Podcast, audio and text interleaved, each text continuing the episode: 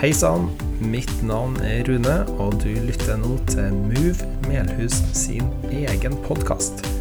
Besøk oss gjerne på movemelhus.no for mer informasjon, eller søk oss opp på Facebook. Vel bekomme. Det var trivelig å se dere. Oi. Den må justeres litt, tror jeg. Um, for dere som ikke kjenner meg, så heter jeg Bjørn og bor eh, på Byåsen. Har verdens beste jobb. Jeg tar og reiser rundt i Trøndelag og treffer mye trivelige folk og spiser god mat og til og med får penger for det. Eh, For Nordmisjonen. Og jeg bruker å si det at eh, jeg elsker å preike, og det er sant. Jeg er veldig heldig som får holde på med det. Eh, Jeg er gift og har to unger, et barnebarn. For dere som eh, har småunger, så har dere kanskje vært på helsestasjonen bortpå her, og da har dere truffet kona mi. Hun heter Berit, og hun er lederen bortpå der. Så har jeg plassert litt sånn òg. Jeg har jobba i Indremisjon Nordmisjon i 27 år. Og da sier jeg enten så trives jeg vanvittig godt, eller så får jeg ikke meg ny jobb. Og det er nok det, det første. Jeg har hatt flere forskjellige stillinger. Barne- og ungdomsarbeider, leder, kontorkall, og nå er jeg forkynner. Så da vet dere litt om meg. Og jeg er ikke teolog. bare så Dere vet det. Dere får ikke noe teologisk utlegging av noe her nå også. Jeg er en enkel fyr, og jeg er stolt av det. Det enkle er ofte det beste, sier de, og det tror jeg av og til da. kan være, kan være sant. Eh, jeg er veldig glad for at boka her, Bibelen. Det er ikke en teoribok, men det er en bok om levd liv. Jeg må bare si det Stemmen kan få litt hist og pist. Jeg ligger med lungebetennelse noen dager nå, så det kan godt hende at den svikter av og til. Men det har jeg ikke å si. Men jeg er glad for at boka her er, et, er ikke en teoribok, men en bok om levd liv. En bok om mennesker som, eh, som virkelig kjente livet på alvor. altså. Som bannes, som ber, som svikter, som står der, og som, som er hele mennesker på tross av det de er. Og i, eh, i Gammeltestamentet, som jeg tror ikke er så kjent, skal vi, skal vi konsentrere oss litt om i dag. Hun heter Rahab. Og hun har dere vel kanskje hørt om? Det er mange som har hørt om Rahab. De må teste ut mye. Ja, så det er litt den eldre generasjonen her. eh. Nei, men Rahab Hvis du leser Josfa 2, da, så treffer du av Rahab. Eh, Det er sånn historie sånn som følger. Etter at Moses er død, så er det Josva som tar over som leder eh, for israelittene. Jeg lurer på Josva om han føler litt som prestasjonsangst eller menneskefrykt. Nå skal han ta over etter den store lederen Moses. Og så skal han føre israelittene inn i det lovede landet. Men så går, altså, går Josfa altså på Herrens ord, for Herren sier til henne at jeg skal være med deg. Hvert steg du tar, hvert, hvert eh, skritt du tar, skal jeg være med, og du skal innta landet. Og Så tar han med seg folket over Jordan, og som første byen de kommer til, er Jeriko. Og For å teste ut forholdene i Jeriko da, så sender Josfa to speidere der. og Da kommer de altså til et hus som er bygd inn i bymuren i Jeriko. Der bodde Rahab. Og Rahab var ingen hvem som helst til Jeriko. Hun var en prostituert. Altså Hun tok imot mannfolk mot betaling, kanskje gjennom penger, kanskje gjennom øh, mat, klær, hvem vet. Men det var jobben hennes. Og Der tar det to israelittiske speiderne inn til hun.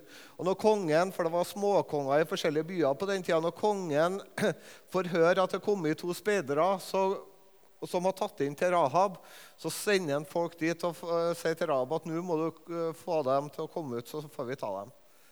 Men så sier Rahab da at de har forret. Ved solnedgang så for de. Hvis dere eh, sender folk etter dem, så tar dere sikkert igjen dem. Men det hun har gjort da, hun har gjemt dem oppå taket under linhalmen. Og Når forfølgerne har fyrt og leter etter dem, da, så går hun opp på taket og så sier hun det at fordi at jeg nå har vist så stor omsorg for dere, så ber jeg dere om én ting. At når dere inntar Jeriko fordi at vi frykter dere israelittene, for vi har hørt alt det dere har gjort Når dere inntar Jeriko, så spar meg og familien min. Gi meg et løfte på det. Så sier speiderne at det skal vi gjøre, men da er det eh, en greie du må gjøre. Du må henge en sånn rød ulltråd i vinduet, så vi vet hvor du bor. Og så, hvis noen rører den, så skal vi bøte med livet vårt. Og Enden på visa blir at israelittene får et sånn utrolig rart, uh, rar beskjed fra Gud når de skal inn til Jeriko. Ikke bare storm fram, men de skal altså gå rundt Jeriko og synge og spille i seks dager. Har du gjort det? Hvis Mu har fått beskjed her at de skal gå rundt Coop-en og synge og spille i seks dager, har dere gjort det? Og den sjuende dagen så Ikke fordi at Coop-en skal rase, altså, men i den sjuende dagen så, så, får de eh, beskjed om å gå sju dager, og så raser murene, og så inntar de Jeriko. Og så, blir det eneste familien som blir spart, blir familien til Rahab. Og så er det ganske spennende med Rahab, fordi at hun ble tippoldemora til kong David. Hun gifta seg med Salomon, altså som var tippoldefaren til David. Det er bakgrunnen for det jeg skal si nå. Eh, og vi skjønner her at Rahab hun hadde en fortid. sant ja? Det var ikke noe fin historie. Hun var en prostituert. Hun tok imot menn mot betaling. Og vi vet ikke hvorfor Rahab ble en prostituert. Kanskje trengte hun mat, kanskje trengte hun penger, kanskje trengte hun klær. Og jeg tenker det Som lita så hadde kanskje Rahab en sånn liten drøm om, eh, som alle andre jentene i Jeriko hadde, om mann, hus, barn, en anstendig jobb og geit. Men sånn ble det ikke. Det ble bare med håpet, fordi det var et eller annet som tok vending på livsveien hennes. Det var et eller annet som ikke tok den riktige retningen som hun ønska. Og så har hun kanskje hørt ekko, og så har hun kanskje hørt mange ganger, og så hører vi hvis vi hører godt etter, så hører vi litt sånn ekkoet av det skjøgen Rahab. Altså et menneske som er stempla et menneske som har fått et kallenavn, som er putta i en bås fordi hun ikke levde et A4-liv.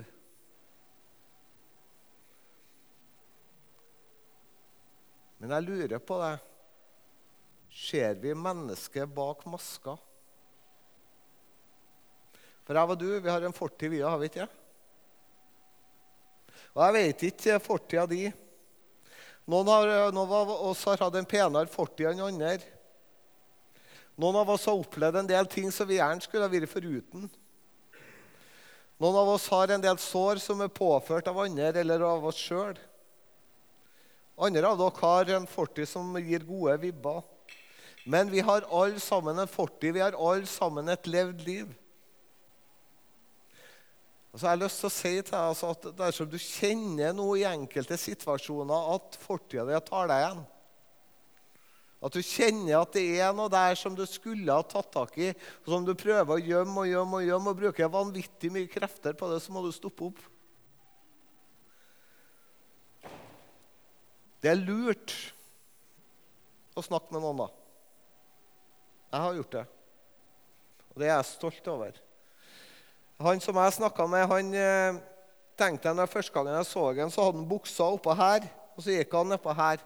Og En som het Gunnar Elstad. Og så tenkte jeg at eh, når jeg så ham, så han er ikke min type. tenkte jeg. Ikke i det hele tatt. Men så viste det seg at Gunnar Elstad var min type. Han fikk jeg snakke med, han fikk jeg gjennomarbeide ting med. Han på en måte tok meg på alvor. Og så han er dessverre død, han Gunnar nå, men han betydde vanvittig mye for meg. Og når jeg traff ham senere, så sa jeg du Gunnar, du, jeg ser du har ikke vært til en ny skredder ennå. Og så sier han nei, jeg ser at du ikke har vært til reguleringstannlegen. Sånn. Så vi hadde en veldig god humor. Sant? Vi hadde, det matcha bra. Og da Gunnar var ferdig med, med meg, så fikk jeg et nytt utgangspunkt. Ja, fortida var der. Men den var snakka om, den var bearbeidet. Den var, så at Livet mitt gikk veldig sånn før. Nå er jeg veldig ærlig med dere. Men det her handler om levd liv. her tar den her. Men nå så går livet mitt sånn. Ja, bølgedaler toppa Noah. Men kjenner du kjære venn, hvis du ikke husker på noe av det jeg sier, kjenner du etter om det er et eller annet du skulle ha tatt tak i, så stopp opp. Fordi du skjønner det at du, du klarer å trykke ned og bruke vanvittig mye krefter på det. Og når det kommer opp igjen, så bruker du enda mer krefter på det, og til slutt så ligger du der. Jeg vet ikke, jeg kjenner ikke dere, men jeg bare, bare sier det her. Kanskje har du opplevd å bli stempla for det livet du levde, putta i en bås eller mobba eller usynliggjort for den du er. Vet da én ting, i hvert fall. At du er dyrebar. Du er akta høyt, og du er elska. Når noe er dyrebart for oss, hva gjør vi da? Tar vi slenger det i et hjørne og så bare lar det støvne? Nei, da tar vi og passer på det. Vi hegner om det. sant ja? Vi tar vare på det. Og når noen er akta høyt sant? Jeg og Rune har jeg jobba mye sammen. Jeg akter en Rune høyt. Jeg syns han er en kjempefyr. Og da ser jeg ikke ned på en Rune. sant jeg? Disse ordene her er hentet fra Jesaja 43. Det står at vi er akta høyt av Gud. Tygg litt på den. Gud ser opp til meg og deg. Skjønner du at det betyr noe? Og så er du elska med en evig kjærlighet som aldri forsvinner. Jeg bruker å si det at uh, det som har hjulpet meg for å få et bedre sjølbilde at uh, Det har ikke vært bra hele tida. Men det som har hjulpet meg, det er å se meg sjøl i speilet og si her ordene her. Det høres helt banalt ut, altså, men å si her ordene her Takk, Herre, for at jeg, jeg er ønska, jeg er akta høyt og jeg er elska. Ja, Så ser jeg meg sjøl i speilet og ser at jeg har fått 50-årstillegget med magen. Sant? Ja, og ser at tennene ikke er sånn som de skal være. Men når jeg har sett det speilbildet, så etter hvert så begynner jeg å true. Sant? Ja. Og Det kan høre, høres ut som dette er helt corny, men jeg fikk stadfesta Jeg er ikke noen som leser mye blogg, og sånn, altså der er ikke jeg helt tatt. Men det var en gang jeg var på en nettavis, og da sto det i overskrift eh, en blogger og stod navnet på bloggeren har sett seg sjøl i speilet og sagt til seg sjøl at hun er verdifull, og hun har begynt å tro det. Og Da måtte jeg lese videre, og så sier jeg det. At etter to måneder, når jeg har gjort dette hver eneste dag, så skjedde det noe med meg. Det er sant.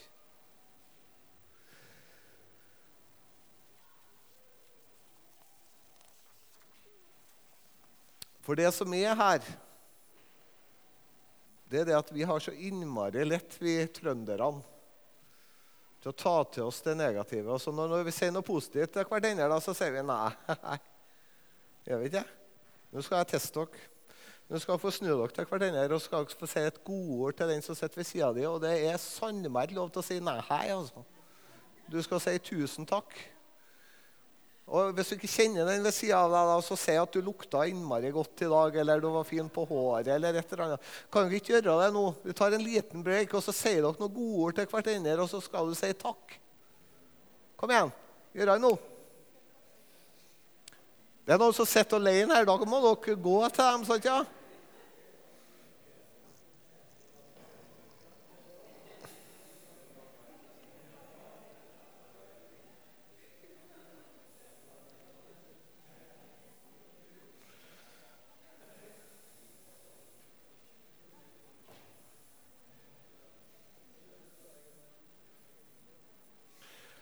Jeg ser at Arnt og fruen er veldig inderlige der. Arnt, kan jo komme opp og si Nei da.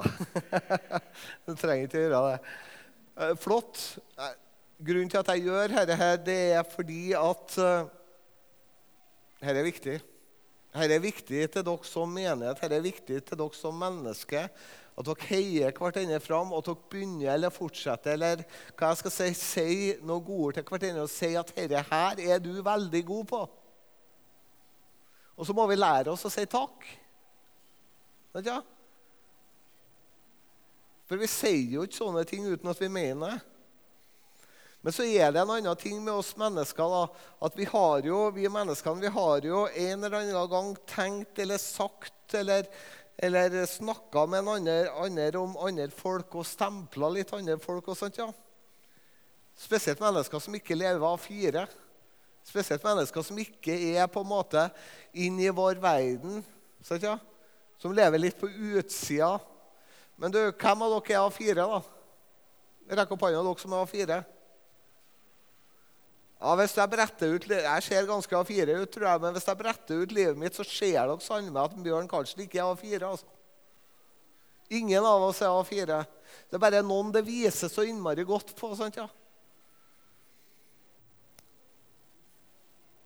Jeg hadde en bror som slettes ikke var A4.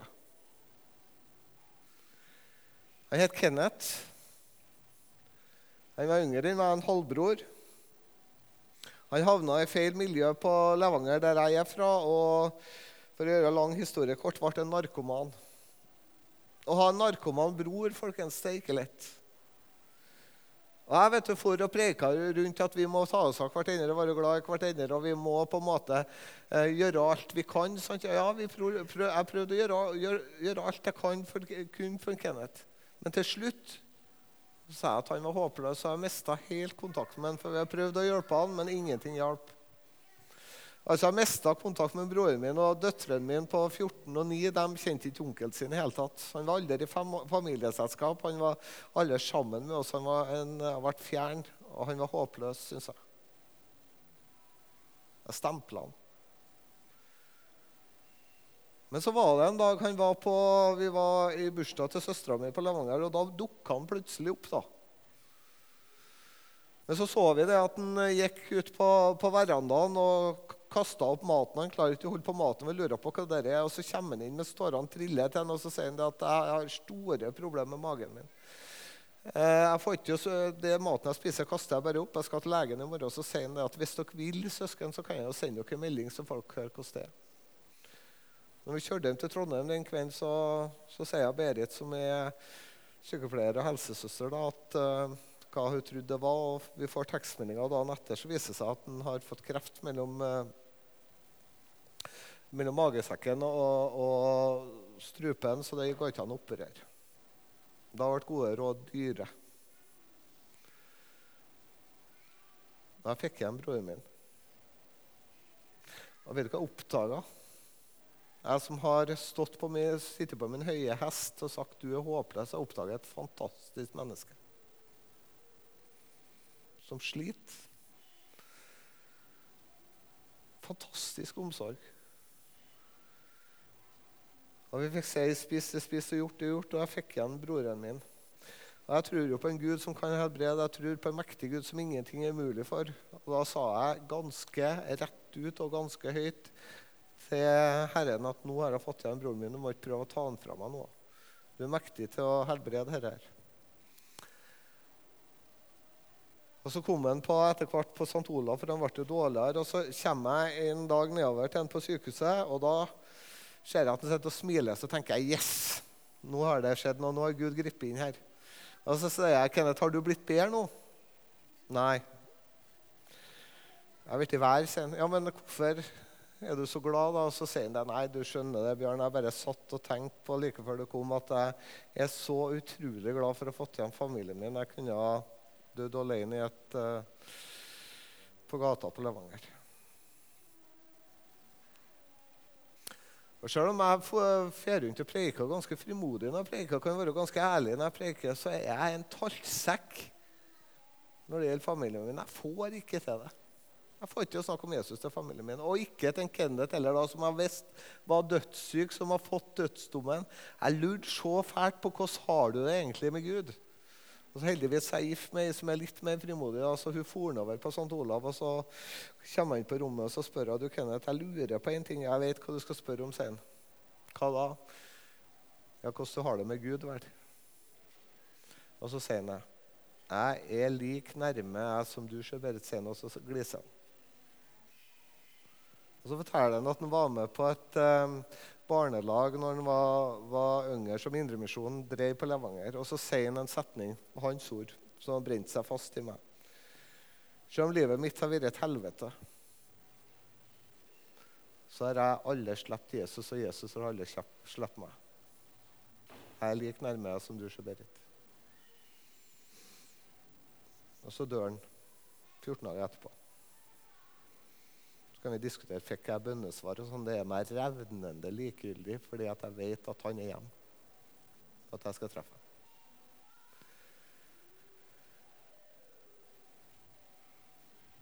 Altså en som var stempla av meg for det livsførselen han hadde. Som jeg trodde var helt håpløs i forhold til kristen tro. Jeg trodde han var langt bort. Og så var han jeg like nærme som du, Berit. Og så lever du sammen med sånne mennesker hver eneste dag som jeg og du kanskje stempler og sier at han der, hun der er håpløst, han der, hun der er langt unna. Det må vi slutte med hvis vi gjør det. For hva vet vi om det, da? Arne Kristian Rokseth, som, eh, som starta 22B, har vært en del engasjert der. Uh, han forteller en fantastisk historie hvordan egentlig 22B starta den, den kafeen på Trondheim Torg som Salem har. Menigheten som jeg er med i. Eh, han begynte å gå på torget, for Arne Kristian fikk en visjon at han skulle gjøre noe for ungdommene på Trondheim torg som skulka skolen. Og Så begynner han å gå på torget, og så får han ikke kontakt med ungdommene, for de tror at han er sivilsnut. Han har ikke sjans, han når ikke inn. Og så En dag så går han på torget og så hører han ei sånn gammel, sprukken røst som sang 'Navnet Jesus blekner aldri' fra, fra et hjørne på torget. Det var ikke noe fin stemme, sa han Arne, men det han sang så det ljoma, han her. Og så går han dit, så ser han en gammel mann som var steinfull, som sto og sang navnet Jesus blekner aldri. Og Så var jeg kontorkall og jobba på kontoret i den tida der, og fikk veldig mye med han forfylla bergenseren å gjøre. Og Jeg så han ikke én dag edru, men jeg har aldri opplevd et menneske som har vært så fylt av Jesus Kristus. Og det som skjer, da, det er det at når Arne går til han bergenseren der og forteller hvem han er, og sånn, så går han der alkoholikeren som er så fylt av Jesus, til ungdommene på Trondheim og sier at Arne ikke er sivilpoliti. Han vil hjelpe dere. Og Der starter 22b, og så sier Arne Kristian Gud sendte oss en engel gjennom en forfylla bergenser. Og han var der akkurat i den tida vi starta 22B. Og så En dag så var han plutselig borte. Dette er sant. Altså, han var plutselig borte. Ingen vet hvor det ble av ham. Ja, kanskje har han tatt toget eller haika om natta. eller noe sånt. Men en dag var han borte, og ingen hørte fra hans side.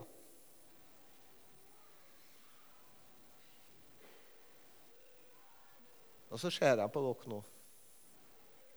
Ingen av dere er verken det ene eller andre som jeg har snakka om noe om narkoman. Eller, men du er sannelig meg ikke A4. altså. Og De menneskene som du lever sammen med, er ikke A4. For hvem var det Gud brukte for å innta Jeriko? Jo, det var Rahab. sant ja? Hvorfor akkurat hun? da? Hvorfor ikke kongen? Hvorfor ikke presten og klokkeren? Var det fordi at hun var så flink? Var det fordi at hun hadde sånn utstråling? Var det fordi at hun hadde så gode evner? Nei, hvis du går til hebreerbrevet i Bibelen, så står det hvorfor. Fordi Rahab trodde. Så møtte hun speiderne med fred. Og nå er vi til poenget som jeg skal komme til her talen her, gjennom alt det jeg har sagt.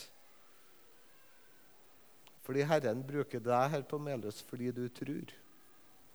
Ikke fordi du er så innmari flink, ikke fordi du lever et så godt liv, ikke fordi du på en måte får til så mye, ikke fordi du presterer så mye og bretter opp armene. Ja, kanskje du prøver det. Og jeg skulle ha bedt litt mer. Jeg skulle ha lest litt mer. Jeg burde ha vitna litt mer. Det står ingenting om, i Bibelen min om dette. her. Det har blitt forkynt, ja. Vi burde, vi må, vi bør, vi skal. Og det er noen som har sagt et burde blir ofte en byrde for folk. Jeg tror det er sant. Det gir oss dårlig samvittighet av alle byrdene. For vi bør jo være, være et godt forbilde. Vi bør være en god sønn eller datter eller familiemann eller arbeidstaker eller hva som er. Vi bør så mye. sant ja? Vet du hva det står i Bibelen? Dere er. Det er noe helt annet. Det er noe helt annet, og det er så skulderskjenkende som det går an. Dere er Guds barn. Du er elsket, du er verdifull, du er skapt i Guds bilde. Dere er mine vitner. Altså, det er DNA-et ditt at du er. Da må du ikke være noen annen, da. Da må du ikke på en måte prøve å prestere så mye. Da, da må du ikke ha på deg maske. Da, da må du ikke brette opp armene og prøve så gærent. Da kan du hvile. Det er så skulderskjenkende. Jeg, når jeg for og reiste for en del år siden, så var jeg innmari opptatt av respons. Og Det sier jeg ikke bare for at du skal komme og si at det var en bra preken. her, og så Bjørn etterpå, ikke ta det. Men jeg var veldig avhengig av respons, og jeg tenkte at hvis jeg ikke fikk respons etter prekene, så var det helt håpløs. Og Hvis jeg visste det var en annen forkynner eller prest eller predikant som satt og hørte på meg, eller det kom til en liten sånn småhøvding rundt om i Trøndelag, så tenkte jeg at nå må jeg si det så at han liker meg. Kjempemye menneskefrykt. Helt til jeg satt en gang i stua mi på Byåsen og leste en bok som heter 'Nådens gåte' av en amerikaner som heter Philip et eller annet, Shaney eller noe. Og så slo det ned i meg. Her sitter den mannen som Jesus elsker. Det Setningen forandrer alt. Jeg trenger ikke så mye respons lenger. Jeg har ikke menneskefrykt. Jeg kunne kanskje hatt litt mer av det. Jeg går aldri på en talerstol på en måte og tenker nå må jeg si det og det, for jeg ønsker å være der Herren er meg. fordi at den jeg er Herren, fordi at det der DNA-et mitt er. Her står mannen som Jesus elsker. Der sitter kvinna eller dama eller hva du kaller det. Ungveite. Jeg vet ikke. Som Herren elsker, eller gutten som Herren elsker. Det er der DNA-et ditt er. Du trenger ikke noe annet enn det. Og så må du ikke da si da, at dette får ikke jeg til. Nei. For når Jesus sier det at han har skapt deg, han har kalt deg med navn, han sier du er hans, og han gir deg en oppgave, som han ikke sier nei. Sånn som israelittene gjorde første gangen de de skulle innta det lovede landet etter å ha gått noen måneder i ørkenen. Jeg skal lande snart nå, men gått noen måneder i ørken, Så kommer de altså på grensa til det lovede landet første gangen i Paranørken. Og så sender eh, Moses tolv speidere ut, alle all høvdinger, en fra hver stamme, for å utforske landet og si her landet her flyter med melk og honning inntil det. Og Så kommer de i Essekolldalen og så ser de at landet er kjempegodt. Drueklaser blir tatt med på, på, en stang. Og granatepler og alt mulig. Det er fruktbart, så det suser etter. Men så kommer de til byene, og så ser de folk, og så begynner de å bli mismodige, for de er så svære, de er så godt befesta. Og så møter de kjemper, og så kommer de tilbake etter 40 dager til Moses avgir rapport og sier at selv om Gud sier at vi kan innta landet, så kan vi ikke for folket så sterkt. Og så begrenser de Gud.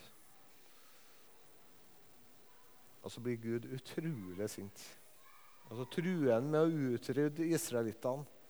Moses går i forbønn for dem, og enden på visa blir da at ingen voksne av Israels ett får lov til å komme inn i det lave landet fordi at de begrensa Gud, utenom to, som sa når de kom tilbake, at her folket er bare en brødbytt for oss, for Gud har gitt oss det her landet. Det var Josva, og det var Caleb. Hvem var det som fikk se resultatene? Jo, det var Josva, og det var Caleb. Når Gud sier at dere er så må ikke du si nei. Alle vi har fått minst én gave som han har gitt oss. Ja, det kan være på en måte tidsklemmer som du gjør, så sier at jeg må ha en pause. Det er noe helt annet. Så vil jeg oppfordre deg, hvis du ikke har en, eh, du ikke har en eh, venn eller venninne som ikke er kristen, da, må du, da må du begynne å få deg det. Ikke fordi at de skal være misjonsobjekt, men fordi at de er mennesker som du lever sammen med her. Hvis du tror Den hellige ånd lever i deg, så er ikke han en som sjekker inn og ut. sant nei? Den er der hele tida. Og når du møter et menneske her på Melhus, så møter det mennesket Jesus. Nei. Jo. For de møter han som lever i deg. 90% av dem som er kristne i Norge i dag, blir det gjennom oss dødelige. Og vet dere himmelveien min begynte? Jeg har vært kristen over 20 år. Men himmelveien min begynte som 11-åring. Da etter jeg har virra og tømt ut ei spritflaske i, i, i vedskjulet til pappa for jeg ønsker at han ikke skal drikke, og får uh, høre fra han at uh, jeg kan bare stikke av den kvelden jeg unner den og, og kose seg, så drar jeg i skogen, og så husker jeg to setninger to kamerater sier, har sagt til meg to dager før vi er en bjørn. Det er utrolig godt å være kameraten din. Jeg er glad for å kjenne deg. Det var en teologisk utlegging. Der begynte himmelveien min. Selv om det gikk ni år før jeg ble frelst. For de to kameratene jeg var kristen, tok meg med på leir på Laberget, for det var så mye fine damer der. Så videre. gikk jeg to år på Rødde, for det var så mye fine damer. Jeg gikk vev, søm og husdel med 19 damer. Eh, vi hadde det veldig bra. Men hele tida så var det på en måte det setningen der, Bjørn. Det er godt å være sammen med. Så ble jeg kristen som 20-åring. Og To år etterpå så fikk jeg spørsmål etter at én andakt på Levanger på skolelaget. Bjørn vil jo være barne- og ungdomsarbeider i Indremisjonen fordi at jeg er så flink. Fordi at Gud er tøff, som satser på meg og deg. Det er håp for Melhus, folkens. Amen. Det var ikke grei avslutning, Rune. Jeg var fornøyd med den.